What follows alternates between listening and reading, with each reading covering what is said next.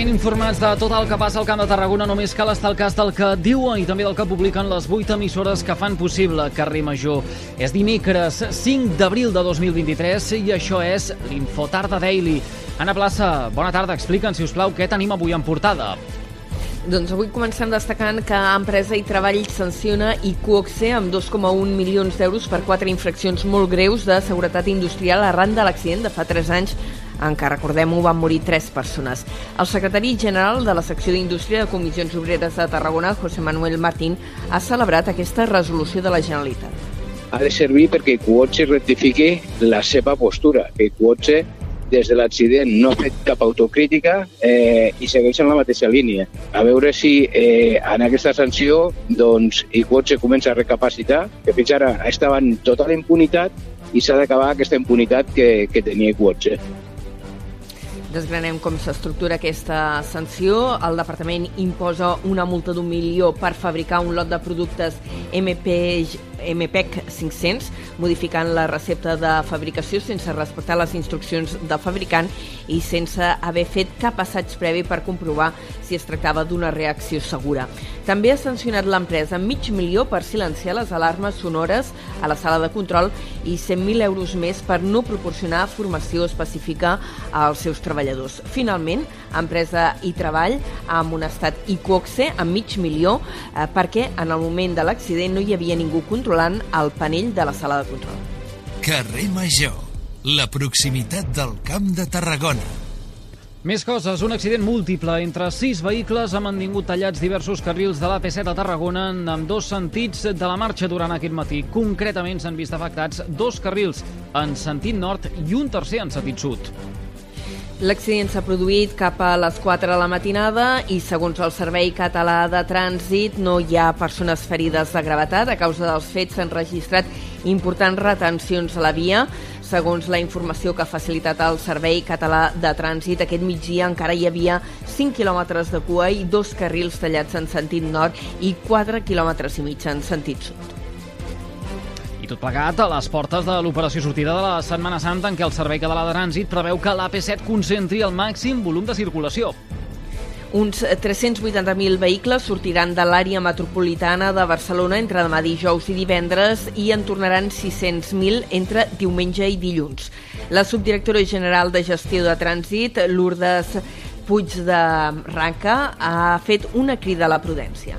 Des del Servei Català del Trànsit volem que tothom torni a casa durant aquest, aquesta festivitat de Setmana Santa i remarcar la necessitat de no baixar la guàrdia en cap moment durant la conducció, tant en trajectes curts com llargs, en el període d'estiu de, festiu de Setmana Santa, on es preveu una alta mobilitat de vehicles a les carreteres catalanes.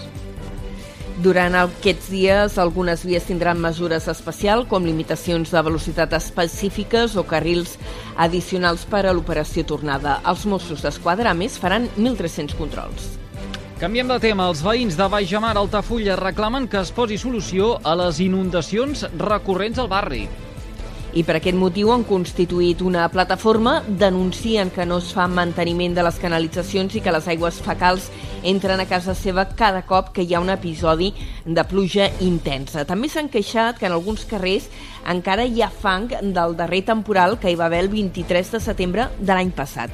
La plataforma compta ja amb el compromís del plenari municipal d'atendre les seves demandes de, després que s'aprovés per urgència una moció al respecte eh, que va proposar aquesta nova entitat. Carrer Major és proximitat. Més enllà de tot això, avui hem de destacar també un nom propi, el de Coia Valls, una de les autores amb més projecció del territori, que acaba de publicar la seva nova novel·la, El llegat de les cendres. Es tracta d'una novel·la històrica, com la majoria de les que ha fet la Colla Valls. En aquest cas està ambientada a Barcelona mitjans del segle XIV, quan la ciutat patia les conseqüències de la pesta negra. En aquest temps convuls i de canvi, un grup de dones aprofita el buit de poder per empoderar-se col·lectivament i treballar plegades. Una d'elles és l'Alexia, la filla del protagonista de la novel·la més venuda de l'autora, el Mercader són moltes, moltes històries, com tu deies, individuals, però que davant d'un objectiu comú doncs, sumen esforços i fan, fan renúncies una a favor de l'altra. I la casa dels, dels obradors ara seria com un coworking, eh?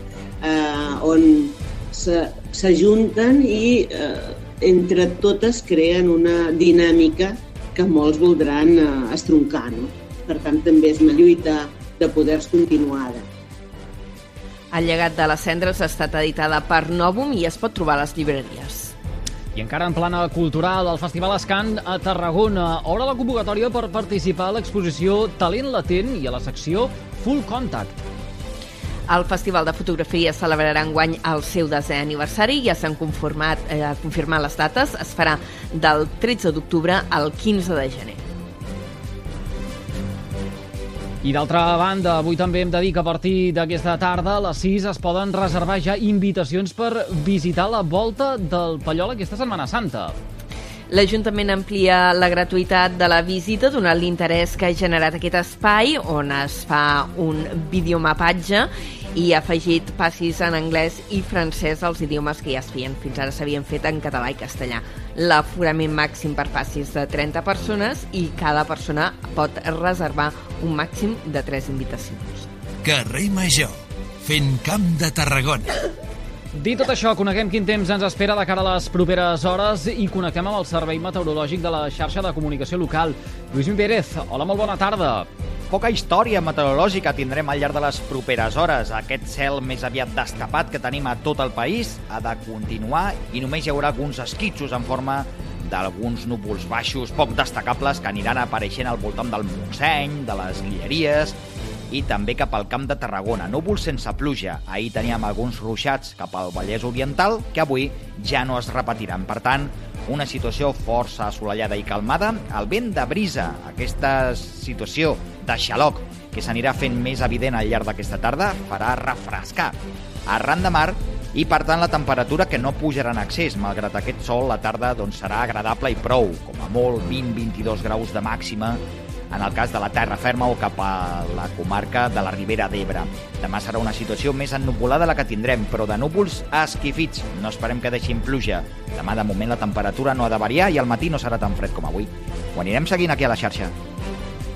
Ara sí, doncs ho deixarem aquí a la plaça. Gràcies per aquesta pinzellada informativa amb el més destacat de la jornada al Camp de Tarragona. Que vagi bé. Sí, fins ara, adeu.